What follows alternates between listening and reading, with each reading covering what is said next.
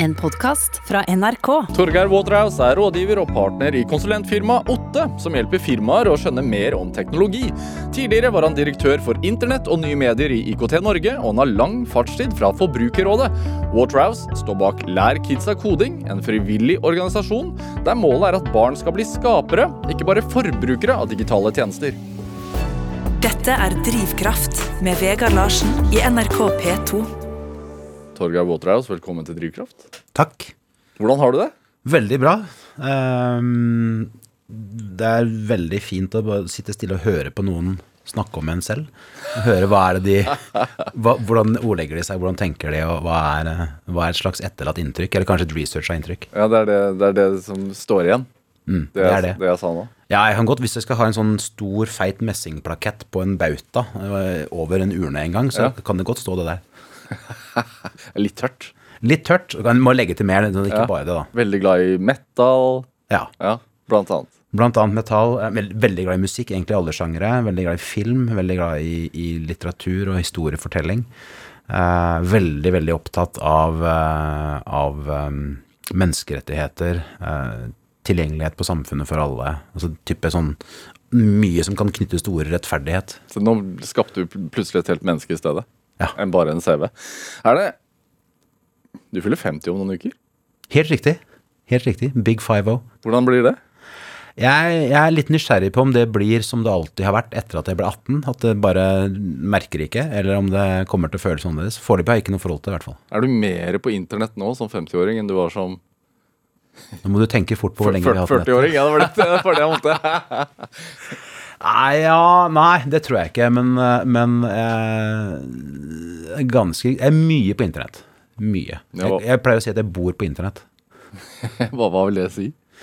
Jeg bruker nettet hele tiden. Veldig mange som hører på at vi snakker sammen nå, bruker nettet for å høre på det. Eh, De som hører på det som podkast seinere, kommer til å bruke nettet.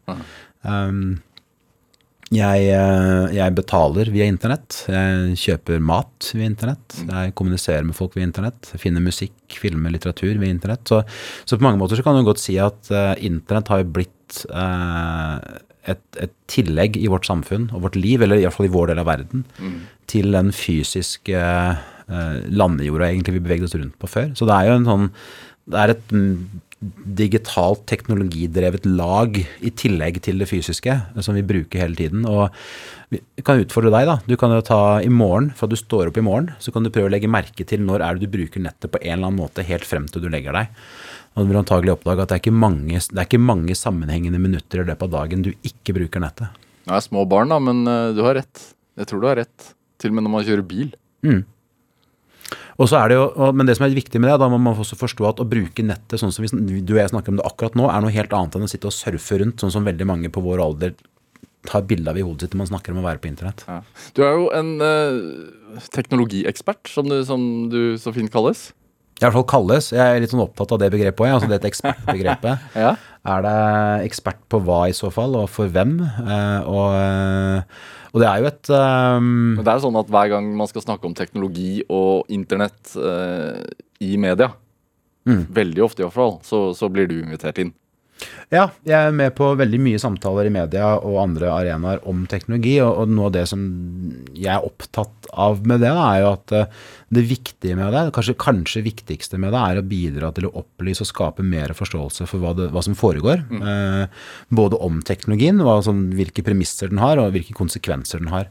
Og da spesielt hvilke konsekvenser den har for oss mennesker. Mm. Hvorfor jobber du ikke for et stort tech-firma?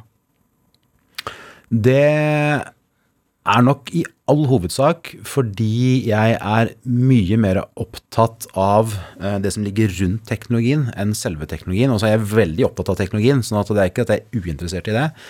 Men jeg ønsker veldig sterkt å få være i det grenselandet som jeg er i, som er mellom teknologi, teknologiutvikling, teknologianvendelse og politikk og samfunn og, og mennesker. Altså i det enorme sweet spotet der, hvor, hvor, hvor vi egentlig skaper morgendagens hverdag. Hvor vi eh, jobber med å, å passe på at det samfunnet du og jeg overlater til noen, er et bedre fungerende samfunn enn det vi overtok fra noen andre. Og eh, at um, Det er samvittighet, altså. er mye samvittighet i det. det. Det er en god måte å si det på. Og, og mye håp, vil jeg si. Tro på uh, Selv om jeg er veldig bekymra for hva mennesker kan finne på, så har jeg veldig stor tro på hva mennesker kan få til. Og, uh, og nettopp det, det, det, det møtet mellom menneske og teknologi, og hva det kan gjøre med samfunn.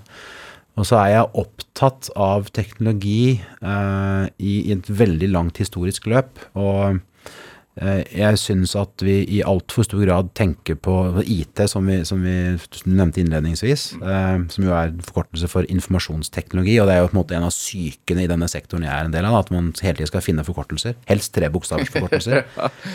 EDB er det ikke så mange som snakker om lenger. Nei, det er, eh, det er litt utdatert. Men det er jo egentlig på mange måter to sider av samme sak. Men skiftet, da, siden vi er der, fra EDB til informasjonsteknologi, handler jo om at EDB foregår veldig lokalt. Ja. Eh, mens informasjonsteknologi så er vi mer over at vi også kommuniserer. At dataene er i spredning, sånn som f.eks. på nettet.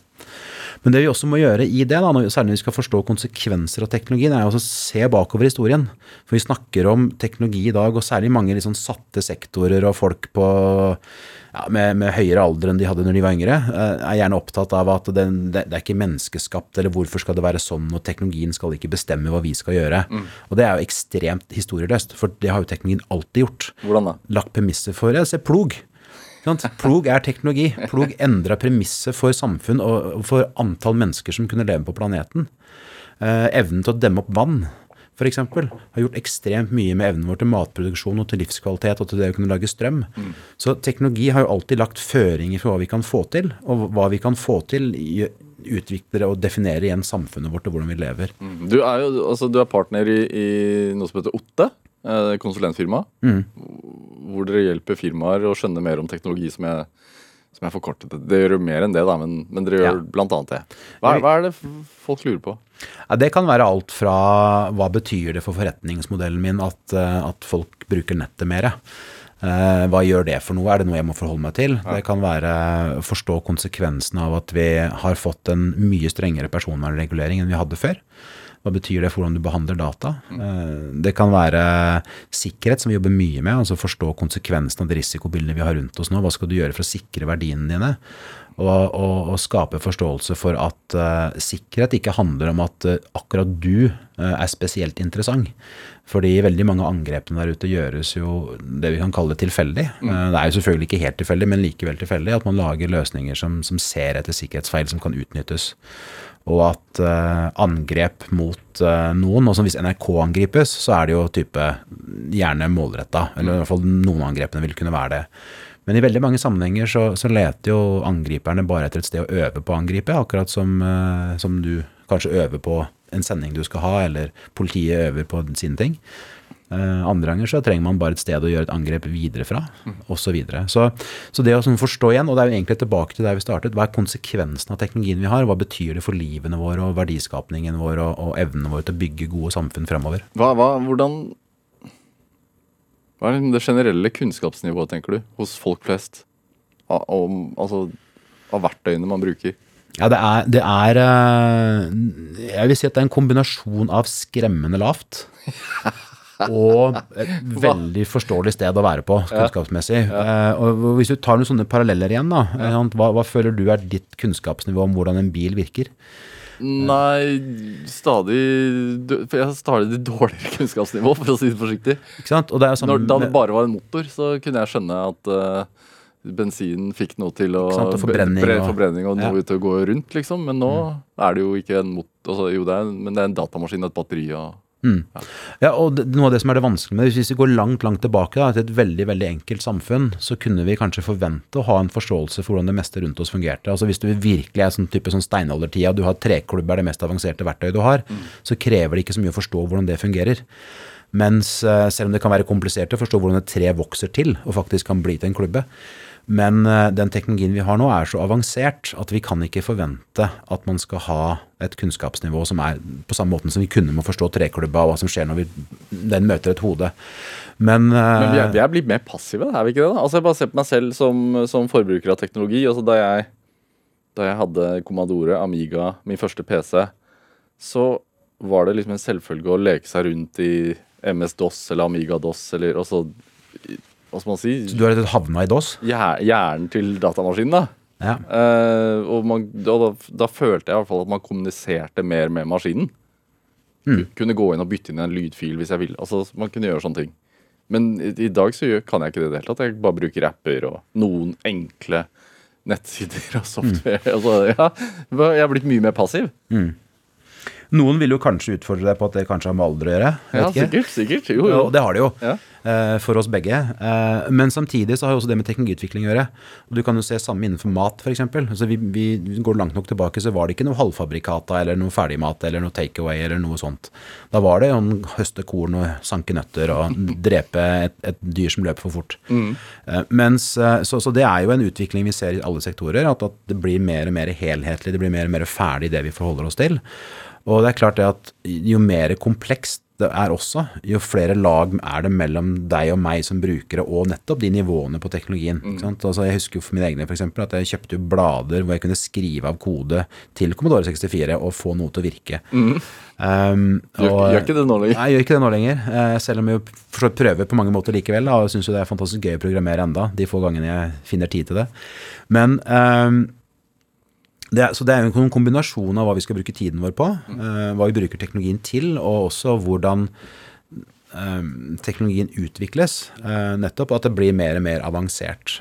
Og det at det blir mer avansert, gjør også at den teknologien som lages for for massemarkedet, da, for, for de, de typiske menneskene, hva nå det enn måtte være for noe, den, for at det skal fungere godt, så, og at det skal virke for deg bare plukke opp en eller annen device og fort være ute på nettsida du ville være på, eller finne noe annet du ville finne, altså, så er det viktig at det, det går med en gang, og at du ikke må gjennom mange lag. Og du husker f.eks. hvordan vi måtte vente på at modemet var ferdig med å ringe opp og ferdig med å pipe.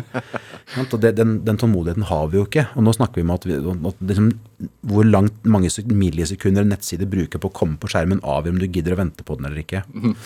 Så, eh, og det er samme hvis du går til papirbøker. ikke sant? Altså Noe av den, viktigste egenskapen til papirboka er at du er rett inni den med en gang. Det er bare å plukke den opp, og så er du i gang. Så, eh, og skal en teknologi være konkurransedyktig, eh, når det kommer til å konkurrere om vår tid og vår oppmerksomhet og vår vilje til å bruke penger på den og, hva det måtte være, så handler det også om at det skal ha høyt funksjonsgrad, kunne brukes til masse og fungere fort og, alltid. Og det, det er klart det at alle vi som er gamle nok til å ha rota rundt i DOS eller, eh, eller vært i, i operativsystemet på en Commodore 64 eller hva det måtte være, vi vet jo også hvor mye tid man brukte på å få til nesten ingenting. Ja. Men går går man glipp av noe når man ikke har noen sånn grunnleggende forståelse? Absolutt. Det er jo en av grunnene til at vi, at vi starta Lær Kids av koding. Altså, vi ville jo at, at eh, barn, og for så vidt Vi har jo også fått mange forespørsler om skal dere ikke, lære gamle, skal dere ikke starte lære gamlingene kode, eller lære politikerne kode, eller hva det måtte være. Og det skal vi også gjøre. Uh, og vi gjør for så vidt en del sånne initiativer òg, men, men det er nettopp det å skape, bidra til å skape en forståelse for hvordan teknologien virker, og hvordan den henger sammen. Og det har jo for min del også vært en av grunnene til at jeg har vært veldig opptatt av å få programmering inn i skolen. Fordi, eh, ikke fordi alle skal bli programmerere, eh, men, og ikke fordi at programmering er det viktigste. Men for å, både at alle skal få mulighet til å bli eksponert for det, og oppdage om det er noe for de eller ikke.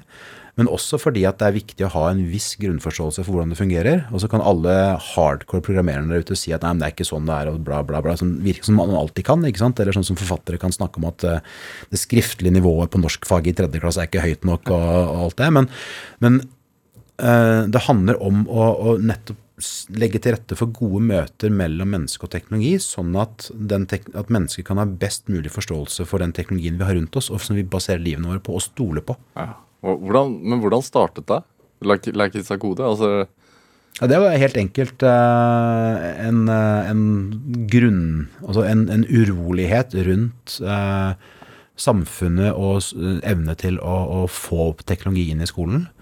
Eh, og vi konkluderte jo egentlig med Vi var flere som holdt på med flere forskjellige initiativer, og, og noen kom sammen. Og, uh, og det som gikk igjen hos oss alle, var jo at vi, vi eh, klassifiserte oss selv som, som VIPs, Very Impatient People, uh, og mente at vi kan ikke vente på at samfunnet kommer dit, at dette blir en del av skoleverket. Vi kan ikke vente på at voksne rundt barn forstår at alle barn trenger ikke å gå på ski, eller skal synes speiderne er det viktigste i verden. Mange barn er opptatt av den teknologien de har rundt seg, sånn som barn alltid har vært.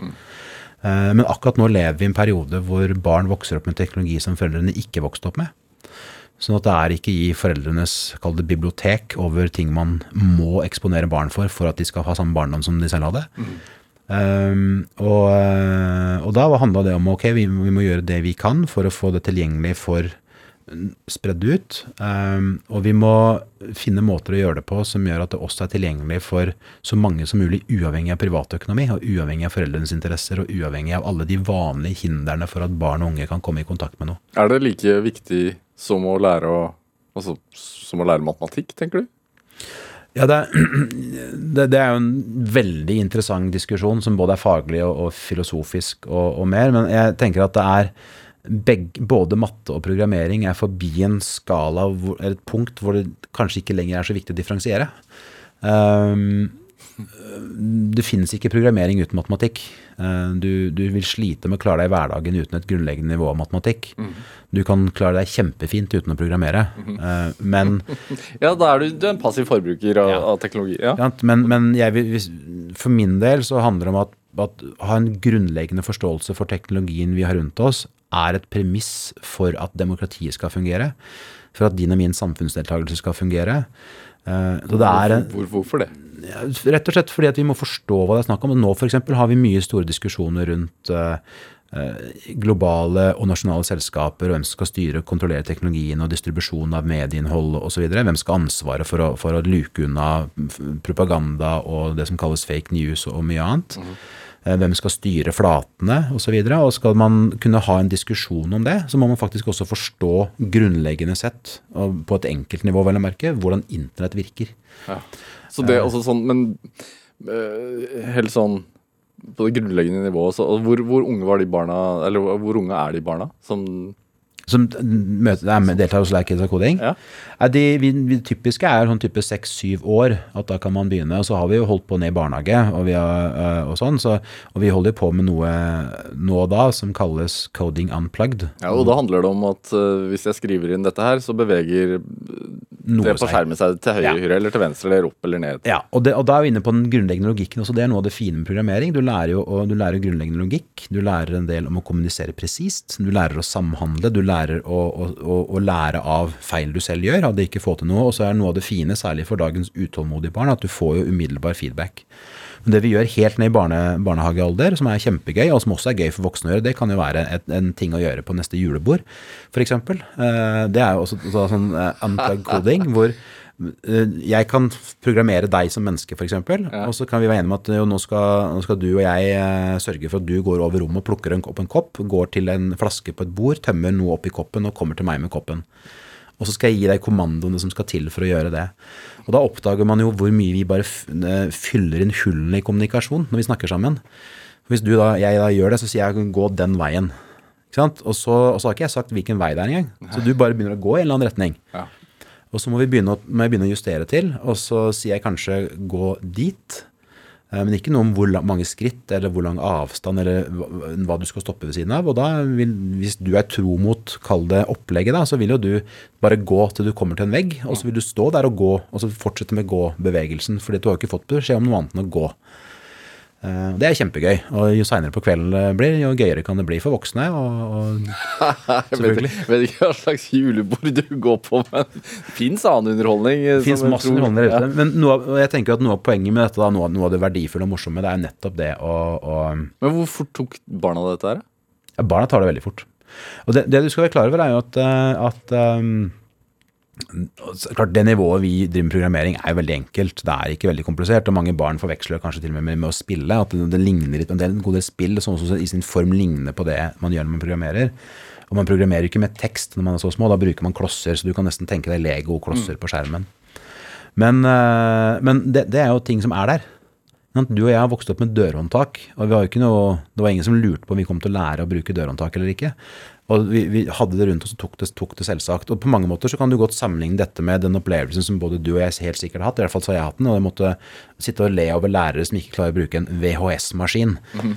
ja, mens, eh, mens, for oss som har vokst opp med at det var der, så var det var ikke noe vanskelig det når det er noe annet. Så, så, det handler litt om det. Eh, og det handler litt om å, å være å på en måte veilede og gi muligheter til hva man kan ta i bruk. da. Mm. Eh, og igjen tilbake til nettopp det at det handler om grunnleggende kompetanse eller forståelse for, eller smaksprøve på, kall det hva du vil. eh, helt sentrale funksjoner og komponenter i det som til sammen utgjør vårt samfunn. Mm, Bare for å forstå hvordan Mm. det henger sammen. Hvordan henger det sammen? Hva er sammenhengen mellom en maskin og programvare? Hvorfor skjer det der hvis det skjer der?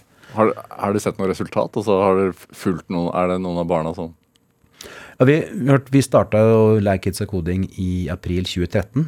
Um, og noe av det vi har sett, er jo at Og det er jo selvfølgelig ikke bare fordi vi gjorde det, men, men det har vært en, en betydelig faktor i Norge. Nå er programmering inne i skolen. Grunnskolen, ungdomsskolen, videregående. Um, Og Det var noe dere lobbet for sterkt det har vi jobba hardt for fra dag én. Ja. Um, mange har gjort en kjempestor og viktig innsats der. Um, alle forlagene prøver seg på programmeringsbøker for barn og ungdom. Um, det er, popper opp et økosystem av små virksomheter i det feltet. Så det skjer masse, og mange har tatt, uh, jobba med, med programmering på forskjellig vis. Vi har et fantastisk prosjekt sammen med, med Nav her i Oslo, hvor Eh, arbeidsledig ungdom og ungdommer som har falt ut av videregående, har eh, fått eh, programmeringskurs, lært noe, og, og de igjen holder programmeringskurs for barn. Men hva gir det deg, da? At dette skjer? For meg så er det jo Og det er jo sånn kjenner kjenne jeg har gåsehud over hele kroppen bare tenker på det Nav-prosjektet og hva vi jeg har fått til med masse barn. Eh, Det gir, en, eh, det gir en følelse av en kombinasjon av følelse av å gjøre noe viktig, og faktisk kunne, kunne bidra til en, eh, noe viktig for andre mennesker. Mm. og kunne bidra til at den kunnskapen som er for lite demokratisert, i større grad blir tilgjengelig for alle. Um, og det, det handler, og For meg så handler det om om det er liksom kamp mot rasisme, om det er kamp for tilgjengelighet på mat og rent vann, om det er kamp for tilgang på den, denne kompetansen. Da. Altså Tenk på det som opplysningstidens idealer på speed. Mm. At vi, vi, har man ikke tilgang på alt dette, så vil man slite med masse. Noen kan skrive, men alle bør egentlig lære det. Altså, Helt riktig. ikke sant? Og, det, eh, og igjen, altså hvis man, selv om det er en floskel, altså man, man lærer ikke å skrive på skolen fordi man skal bli forfatter. At man lærer å skrive fordi man trenger det for å kunne delta i samfunnet og demokratiet og være et helt menneske. hva tenker du om foreldre som syns barna bruker altfor mye tid på skjermen? da? De fleste av de har helt sikkert rett. Eh, men, eh, men, men det viktige er jo ikke om man bruker mye eller lite tid. Det viktige er om man har en tidsbruk og en livsform som passer for det enkelte individet. Det viktige er hva man, bruk, hva man gjør, hva man bruker den skjermen til. Det viktige er eh, hvordan foreldrene interagerer med ungene sine rundt det. Og hvis jeg skal være litt spissformulert, og kanskje til og med tråkke på en del såre tær, så kan jeg jo si at det er vanvittig fascinerende å høre foreldre snakke om det, eh, men, men og gjerne slenge på det blir så mye sittestilling, nei, st- st- stillesitting, eh, mens de gjerne sitter og ser på møkkas dårlige serier på TV3 på kvelden selv. Eh, og, Eller foran en datamaskin på jobben hele dagen? for eksempel, Uh, ikke sant? Og, og man kan, foreldre som er bekymra for dette, kan jo spørre seg ok, men hvor mange timer har de brukt sammen med barna sine i de forskjellige spillene. Hva vet de egentlig hva ungene gjør? De er sikkert, Mange er villige, og det er bra at de er, altså, men villige til å stå i sidelengs snøvei sammen med andre foreldre de egentlig ikke liker å snakke med, for å se på et skiløp eller, eh, eller orienteringsløp eller et korps som øver i det uendelige. Det kan de gjerne gjøre, for det er de vokst opp med. Det er på en måte sånn er det å være forelder. Ja. Men uh, sitte og, i Minecraft med ungen i, i et kvarter, nei, det har jeg ikke tid til. Sånt har jeg ikke tid til. Det er så, det er så viktig. Jeg har noen gulrøtter jeg skal skrelle, eller jeg har noe annet. Dette er Drivkraft med Vegard Larsen i NRK P2. Og i dag er eh, teknologiekspert Torgeir Waterhouse her hos meg i Drivkraft på NRK P2. Jeg kaller deg det. Ja, helt fint. Ja, takk. Det er bra. Det, uh, Waterhouse. Mm. Ikke veldig norsk etternavn. Nei, det er, eh, det er jo, i hvert fall for min del, ikke så overraskende, fordi jeg er født i England. Ja. Eh, Jeg har en engelsk far. Eh, Hvor lenge bodde du der? Flytta til Norge sommeren før første klasse Ja. på barneskolen. Hvor i England? Eh, Da flytta jeg fra et lite sted som heter Long Stratton, som ligger like ved Norwich. Så det, Norge er et fotballand, så folk mange i Norge vet jo hvor Norwich er. Det ligger midt på den der, England har en sånn klump, en sånn rund ball nærmest, som, mot kontinentet. Midt på den omtrent. Har du noen minner derfra? Ja, Som- som barn, liksom? Ja, altså det er litt vanskelig for meg å skille mellom hva, jeg, hva husker jeg, og hva har blitt fortalt så mange ganger i barndommen at jeg tror jeg husker det. Men uh, jeg har mye minner derfra. Jeg har uh, Jeg føler meg engelsk. uh, mer Ja. enn jeg føler meg norsk. Hvorfor det? Ja, det vet jeg ikke. Det er en av de mange tingene som sikkert en, en psykolog eller andre kan finne ut av hvis jeg ligger lenge nok på en benk og snakker om ting. Men hva er det å føle seg engelsk? Nei, det, ja, det er også et veldig godt spørsmål. Ehm, gåsehud av nasjonalsangen? Nei, virkelig ikke. Det er jo en av de store interne fightene i hodet mitt hele tiden. Jeg har veldig store problemer med Englands historie. Eh, og eh, hva skal vi si, en eh, sånn eh, en, en historie med et land som har liksom gjort det til sin, sitt livsverk å, å, å være imperialist. Eh, og, og liksom fintune hvordan man invaderer og, og, og, er tyrann over andre. Så det har jeg veldig store problemer med. Jeg har også veldig store problemer med, med hele Englands eh, kult, eh, kultus og heltedyrkelse av kongefamilier og, og, og, lorder og andre folk som har arva en eller annen tittel. Hva er det da, da? Som eh, får hjertet til å banke for, for England? Ja, veldig godt spørsmål. Ikke fotball. Eh, så, ja, hva er det igjen? ja, nei, ikke sant? Det er dårlig mat og fattigdom. Da. Ja, det er. Så, men nei, men det er, det er noe med jeg, er, jeg, jeg, klarer ikke å sette ord på det egentlig, men, eh, men jeg blir for eksempel, eh, jeg blir kjempe, jeg får en god følelse av å være utafor storbyen i England og liksom de engelske små landsbyene. og, og være på båt på Themsen f.eks. er helt fantastisk. Um, men det er kanskje noe av det samme som, uh, som, når folk er opptatt av det stedet de er fra i det landet de bor i. Mm. At uh, Hvis man snakker med folk i Norge, så snakker de veldig ofte om hvor de kommer fra, ikke hvor de bor. Um, og skal man tro mange av de politiske debattene, så er det ingenting som er viktigere enn hvor noens for, besteforeldre bodde en gang. Uh, så, så det, er, det, er, noe der. Og så, så tror jeg det for meg har mye med språk språklig identitet å gjøre. Mm. Jeg, jeg det var morsmålet ditt, holdt jeg på å si. Altså det første, ja, ja, og at jeg tenker delvis på engelsk hele tiden. Jeg jobber jo veldig mye på engelsk, har alltid brukt engelsk mye. Jeg, jeg eh, leser veldig sjelden norske bøker, altså bøker på norsk. Hvordan var det å komme til Norge som engelsktalende? Det var eh, Det jeg husker det som, var at det var eh, veldig rart. Fordi det var jo ingen som skjønte noe. Og jeg skjønte ikke så mye heller. Hvor flytta dere? Eh, til Notodden. Ja. Hvor mamma er fra, eh, og hvor mamma og pappa bor enda. Eller si de veksler mellom Notodden og Oslo. Uh, og, og, jeg begynte på, på barneskolen i første klasse, og jeg kunne si ja og nei. Sikkert ikke med den tydelige diksjonen jeg hadde nå. Ja. Um, og det var veldig rart å oppleve at jeg ble kalt Torgeir og ikke Togay av alle rundt meg. Um, og så jeg, eh, måtte jeg lære norsk da, mens jeg gikk på skolen. Hvor lang tid tar det? Ja, det gikk, jeg husker det som at det gikk veldig veldig fort. Um, det tok sikkert eh, mesteparten av første klasse, vil jeg tro, men jeg, jeg, husker ikke. Men det jeg husker veldig godt, var jo at når vi begynte med engelsk i tredje klasse på skolen, så måtte jeg sitte i klasserommet og si 'I am a boy, she is a girl', og, og lese om Anne og Pat og Sam og Mac. Mm. Så det var en fight. Jeg tror kanskje det var den første fighten jeg er kjent med da, i, i, mitt eget liv med, det norske skolesystemet. Det var uh, mamma og pappa som kjempa med skolen og til slutt nådde fram.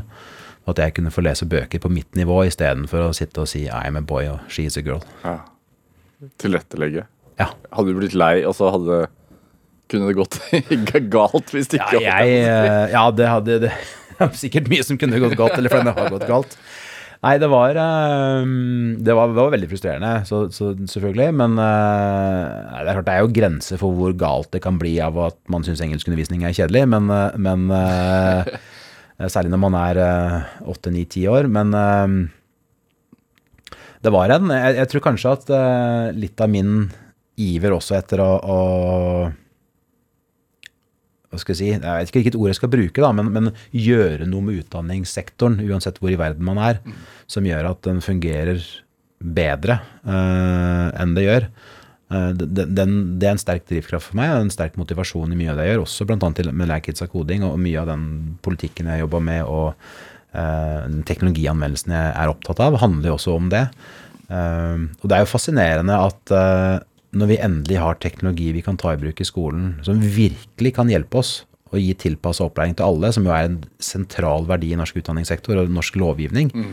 så er debatten ja, skal vi ha den, denne teknologien i klasserommet eller ikke. Hvordan kan vi bruke teknologien mindre? Mens vi burde diskutere i mye større grad enn vi gjør, selv om det har skjedd mye de siste få årene, er hvordan kan vi bruke den best mulig? Hvilken teknologi er bra til hva? For kritt og tavle er også teknologi. Mm. Papirbøker er også et resultat av teknologianvendelse. Så eh, det må handle om hvordan bruker vi hvilke virkemidler til hva, og hvordan blir vi gode til å sørge for at vi tar i bruk all den teknologien vi har da, til det beste for de som skal gå på skole og lære. Når fikk du din første data? Det var, Jeg er litt usikker på hvilket år Commodore 64 kom i salg i Norge, men uh, om det var i i første halvparten av ja. ja, tidlig 80-tall. Så det var da. Og det var jo for meg så var det uh, Det var liksom et, et sånt tipping point, da. Så, og et, siden da har jeg vært glødende opptatt av, av hva vi mennesker kan få til med Hvorfor var det det, tror du? Jeg vet ikke. Det var bare noe med Jeg fikk en sånn følelse at vi, vi kan bygge noe. Jeg kan lage noe, jeg kan sette premissene for hvordan denne maskinen gjør ting på skjermen. Men visste du altså, altså Var det noe foreldrene dine kom hjem med, eller hadde du altså, Gikk det rykter om at det eksisterte Commodore 64, eller hva var det som var greia? Ja, det gikk rykter om det. Og så var eh, Altså, hadde jo et forhold til datamaskiner. Eh, Det var jo i bruk. Jeg visste hva det var. Jeg hadde, en- eller visste. Jeg hadde en vag idé om hva det var. Hvordan da? Altså, Um, hvordan, Ja, Det er jeg også usikker på. Jeg bare husker at jeg visste om det. Og så, og så hadde jeg en, eh, hadde jeg prøvd å leke litt med en VIC 20, som var før Commodore 64, eh, hos en, en god venn av meg, eh, Petter, som hadde det, hadde det hjemme. Mm og, Um, og det var en eh, Og det var en, en sånn Vekte en fascinasjon.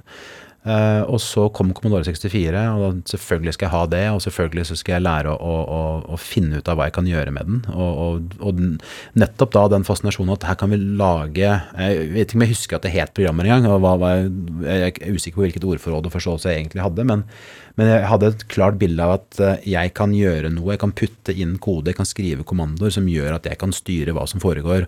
Og, og, og begynte å leke med tanker og ideer om, eh, om hvordan vi kunne bygge verden ut av det. altså hva vi kunne gjøre med det. Og det hang sikkert også sammen med å ha lest bøker om, om roboter og fremtidsfabler og flyvende biler og hva det måtte være. Men Som for eksempel. Jeg husker veldig godt uh, Eneste roboten jeg husker fra den tida, er en Matilda eller Matilde eller noe sånt. Uh, og så er jeg litt usikker på timeline. Det kan godt være jeg leser de etter Commodore 64, for alt jeg vet. Men, uh, um, men den, den men alltid vært fascinert av hva vi kan få til med teknologi. Uh, også da tidligere enn enn datamaskiner da. Men var du en Altså, det er noen fordommer mot folk som blir veldig glad i datamaskiner tidlig. Var du en outsider på et vis? Altså, Ble datamaskinen din venn? Nei. Uh, nei, på ingen måte. Uh, selv om mine barn hevder jo at jeg er en ubrukelig nerd. Uh, men Når sier de det til deg? Det er vel som re Det er nok ofte knytta til at jeg har noen forventninger til hva de skal prioritere tiden sin til, De er for lite på datamaskinen? for eksempel. Nei, de, de vil ut i skauen, og du bare Hva i all verden? nei, det, det tror jeg ikke de vil ha på seg at de vil ut i skogen, men de, de, de vil andre ting.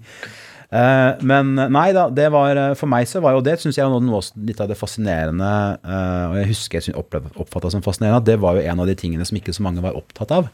Og jeg har alltid vært opptatt av eh, og nysgjerrig på det som Kall det underdog. Et eller annet. Enten det er eh, da med teknologi, eller det er med musikk, eller, eller smal indie-film, eller, eh, eller eh, ja, litteratur, tegneserier. Um, altså det nye. Så, så jeg er jo en av de som matvarebransjen tjener masse penger på når de lanserer noe nytt, for jeg klarer jo ikke ikke kjøpe for å prøve hva er dette produktet her for noe. Eh, men, men, og jeg er også en av de som, som, som eh, hva skal jeg si, kanskje litt sånn stereotypt, fordomsfullt, dumt, uh, selvhøytidelig, blir litt lei av artister når de blir for berømte eh, og blir for spilt for mye. Eh, for, for det er noe med at da har jeg Da er det ikke genuint nok, eller da er det da, ja, det, er nok litt det at nå er det, liksom, nå er det for mye Nå, nå caterer til massemedier. Nå skal de passe på å kunne bli spilt masse ikke sant? og tilpasse seg radio og hva det måtte være. Mens det er liksom når de er rå, når de virkelig vil og må spille, når de må ut og spille, når de må lage den musikken, da er de da er jeg da jeg blir mest fascinert av de. Er du fra et uh, politisk engasjert hjem? Ja, er, men jeg oppfatter meg selv, og det er sikkert sånn klassisk både barn, tenåring og for den del som voksen òg, at jeg oppfatter meg selv som mer politisk engasjert Altså- enn hjemmet mitt var. Ja. En barndomshjemme? Ja, Men, ikke at, men, men likevel et veldig politisk engasjert hjem. Eller, og, og mye samtaler og diskusjoner som jeg oppfatter som politiske, Ja. som var der. Hva syns far om liksom, Thatcher? Nei, Jeg, jeg vil si et, eh, et eh, Hva skal jeg si? That woman er vel noe jeg mener å huske sagt. Uh, og så er jo det en veldig spennende fase i Englands historie, uh, med den, den omskiftningen. Og, um, og for meg så er jo det Hun representerer på mange måter nok en, en ganske viktig komponent i min politiske oppvåkning, eller bevisstgjøring, kanskje mer enn oppvåkning, uh, rundt eh, klassesystemet og maktubalanse i England.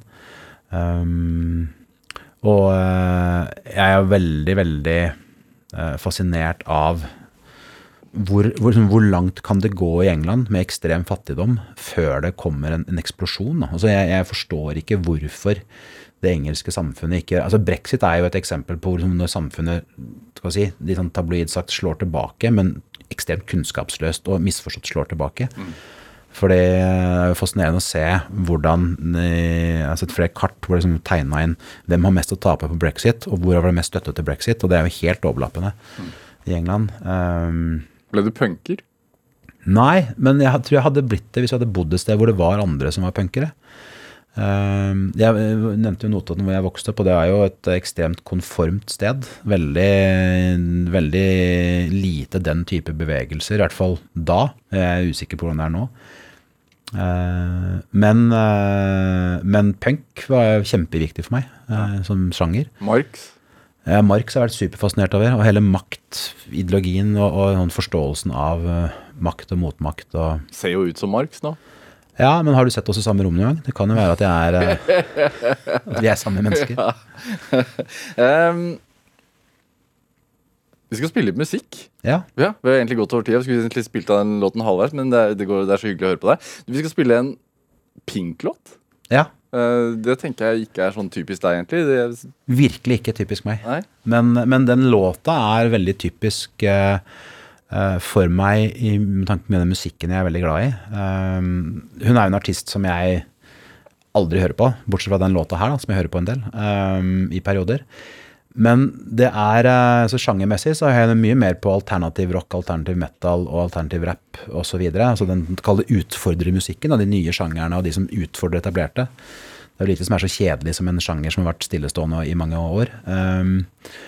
Men det som den låta her representerer for meg, er noe av det som Dear Mr. President, ja. Ja, Dear Mr. President er jo nettopp den når uh, musikere og artister eh, tar til motmæle mot samfunnsutvikling og trekker samfunnet som, som, de mener ikke er bra. Eh, og det er jo en protestlåt, eh, og protestlåter er protestlåter uansett sjanger. Ja. Um, og denne her er jo Og det jeg også liker med den, både for min egen del og for å, å kaste den etter andre, er jo det å få utfordre egne fordommer om musikk, blant annet. Altså, uh, og også hva den handler om. Jeg mener den, Selv om den er skrevet for et par presidenter i USA siden, så er den likevel superrelevant nå.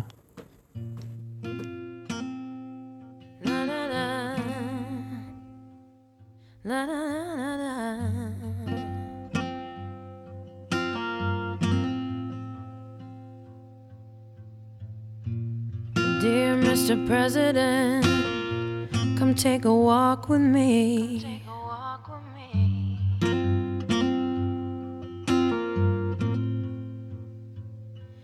Let's pretend we're just two people and you're not better than me. I'd like to ask you some questions if we can speak honestly. What do you feel when you see all the homeless on the street? You pray for a night before you go to sleep? What do you feel when you look in the mirror? Are you proud? How do you sleep while the rest of us cry? How do you dream when a mother has no chance to say goodbye.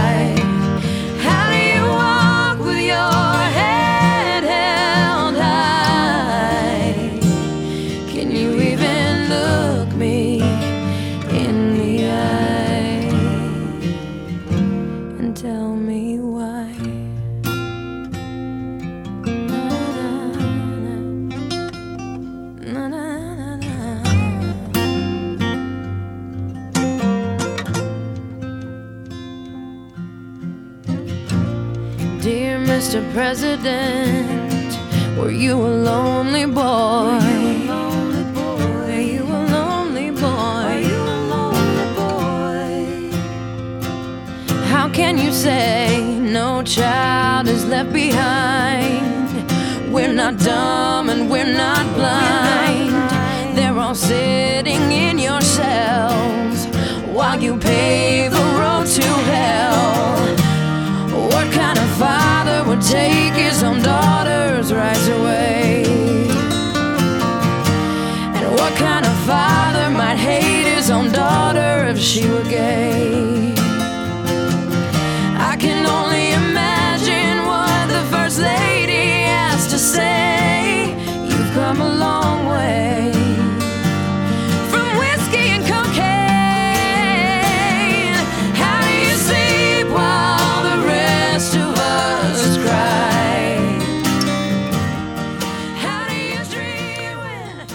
Fikk en eh, smakebit av Pinks Dear Mr. President her i Drivkraft på NRK P2, valgt av dagens gjest her i Drivkraft, nemlig teknologiekspert Torgeir Waterhouse. Altså Kampen mot urett og det at liksom at barn går en god fremtid i møte, hvorfor er det viktig for deg?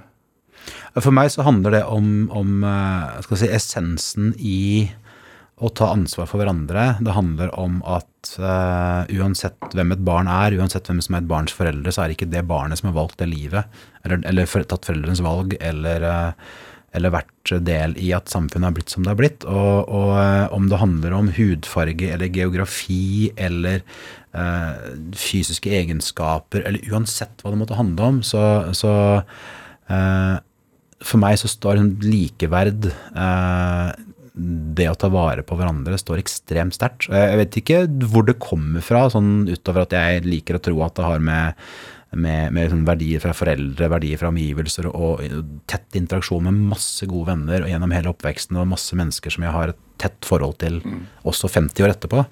Eh, men, men også har jeg jo fra så lenge jeg kan huske tilbake lest tekster av eller om eh, folk som, som Gandhi og Martin Luther King og Malcolm X og Rosa Parks og den, der- den gjengen der, for å kalle det det. Eh, og um, tenker at eh, er det noe vi i hvert fall kan gjøre alle sammen, da, så er det å eh, bidra til at ingen utsettes for urettferdighet.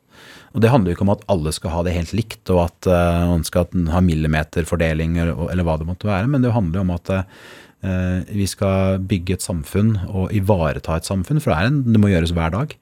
eh, som har rom for alle, og som tar eh, hensyn til alle, og hvor f.eks., og det er en, en av grunnene til at jeg er så opptatt av, av møtet mellom teknologi og politikk, de valgene vi tar, skal legge til rette for nettopp det, eh, og forstå det. Og Hvor skremmende er det at det er stadig færre som bestemmer over internett?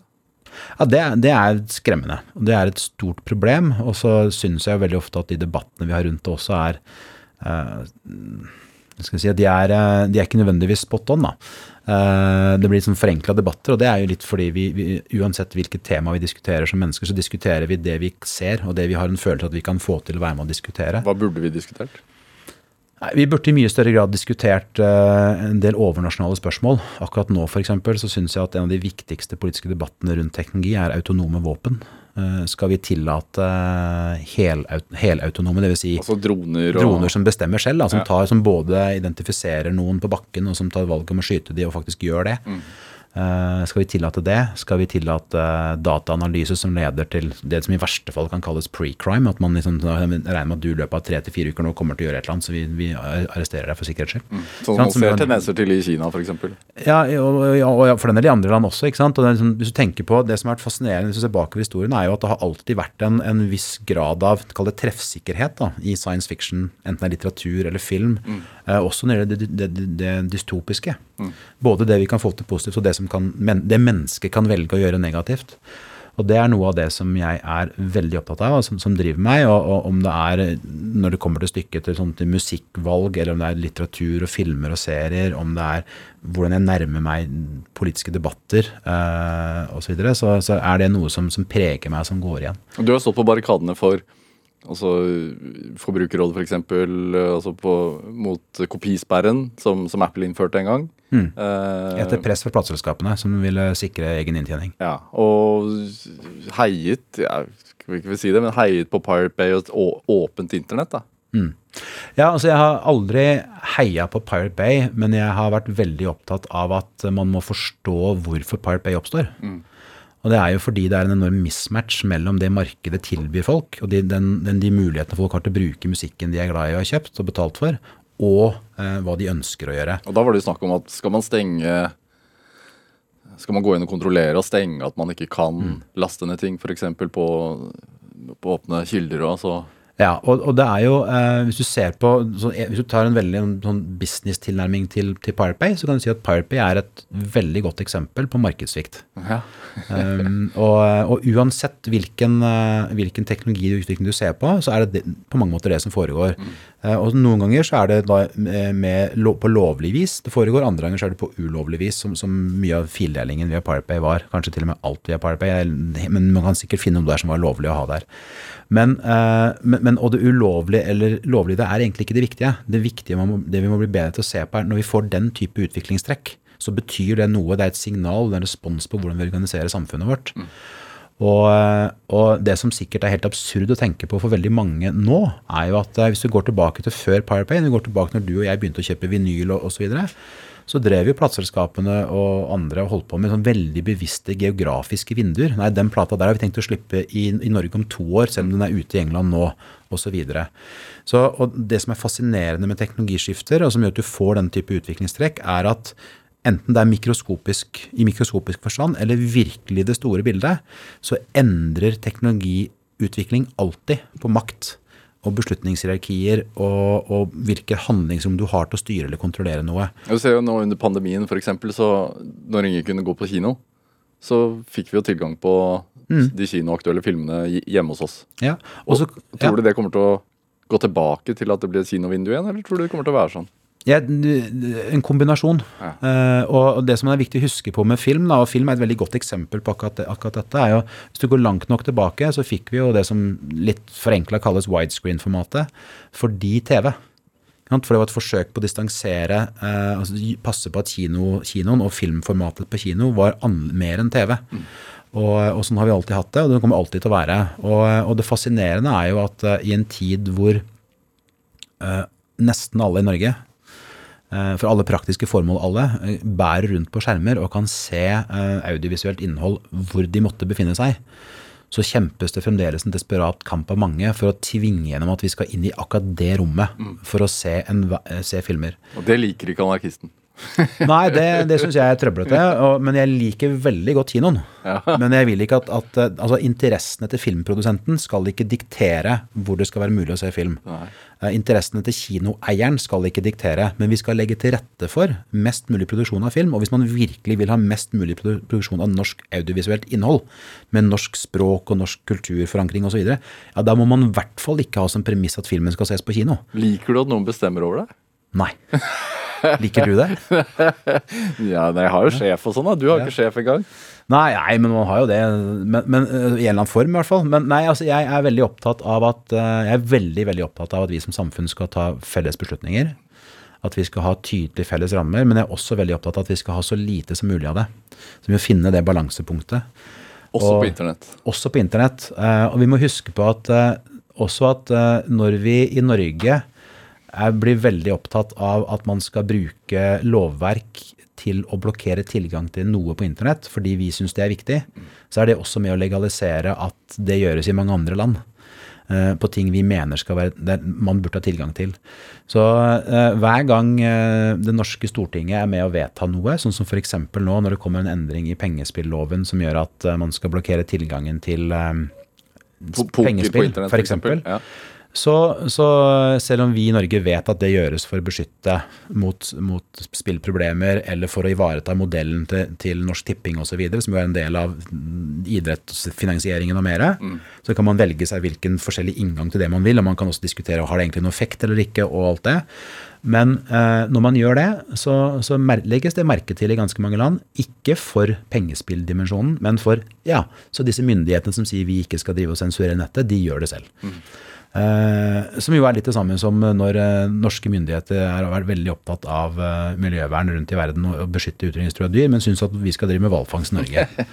Og så kan man godt ha faglige grunner for eller mot det, men, men man skal være klar over signaleffekten i det. Og internett er jo på mange måter eh, det, selv, om det, selv om det kan misbrukes på det groveste av makthavere, det også, så er det jo på mange måter det, det beste vi har hatt noen gang. Men er det en skuffelse? Jeg vil si at det er menneskene som har skuffa, ikke nettet. Ja. Eh, Hvordan er menneskene skuffa?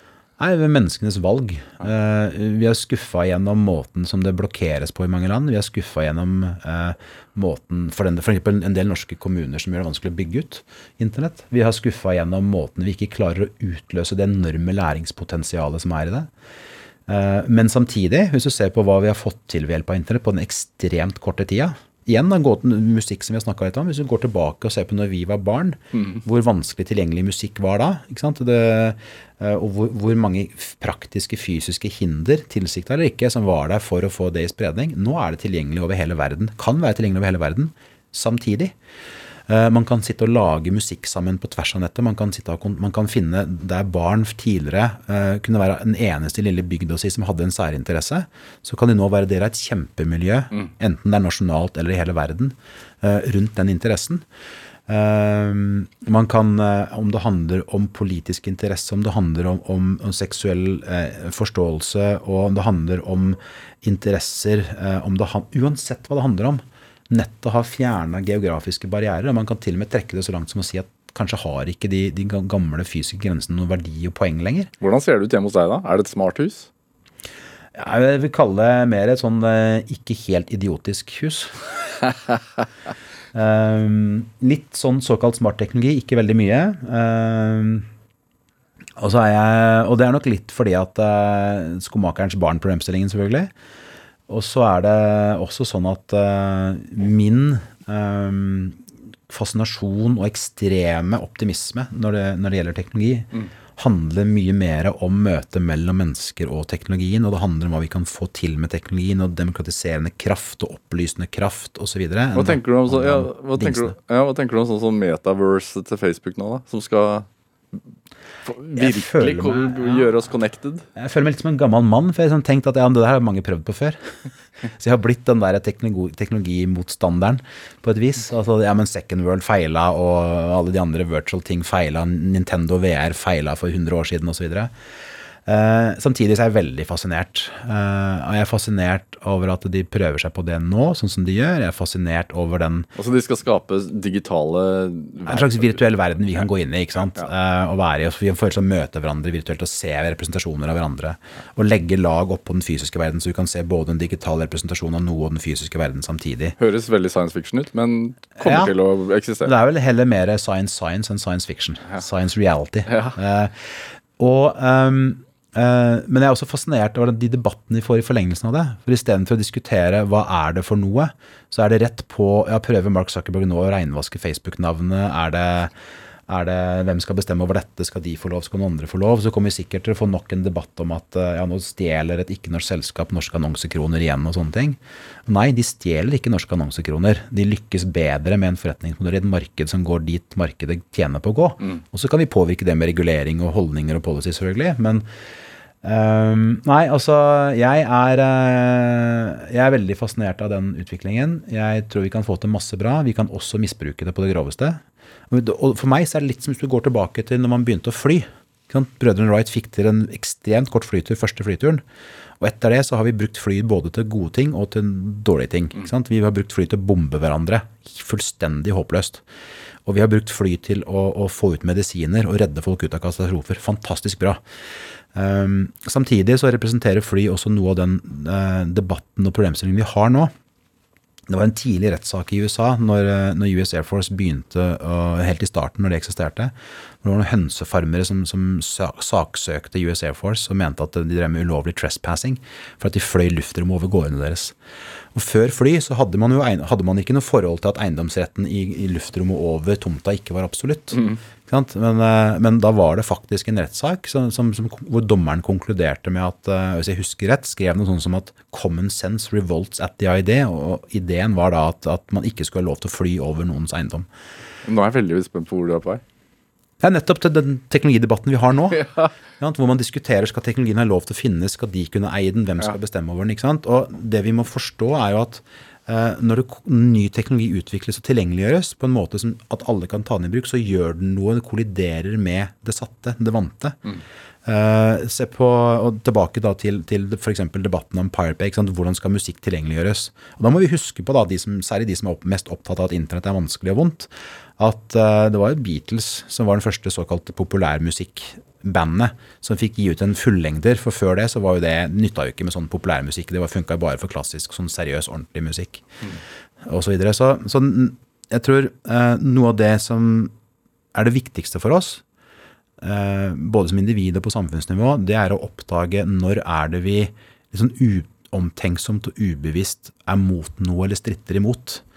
Og det kommer vi alltid alle til å gjøre. Jeg gjør også det. Eh, Men vi må bli bedre på å oppdage når vi gjør det, og være villige til å utfordre egne følelser og tanker. Og så må vi huske på at veldig mye av de diskusjonene vi har rundt teknologi, særlig mot teknologi, handler mye mer om følelsene våre og identiteten vår og tradisjonene våre enn det handler om den teknologien. Hva, hva er driver deg opp i det hele, da? Bedre samfunn, ivareta mennesker, gode liv. Eh, og veldig mye gøy med teknologi. Slapper du av med teknologi? Ja, absolutt. Ja. Spiller du fremdeles? Altfor lite. Altfor lite, men eh, nå og da. Hva, hva da? Uh, nå for tiden så er det mest bilspill. Uh, det å kjøre fort på, vei, på en virtuell vei. På PC? Uh, på telefon og på, på, på via Apple TV. Hva skjer med deg da, da? Jeg slapper av, blant annet. Bare kobler helt ut og slapper av. Og, øhm, og så er jo, for meg så er noe av det, det som jeg er veldig glad i, er nettopp det å kunne høre på musikk overalt hele tiden. Torgeir Båthaus, tusen takk for at du kom til Drivkraft. Takk skal du ha.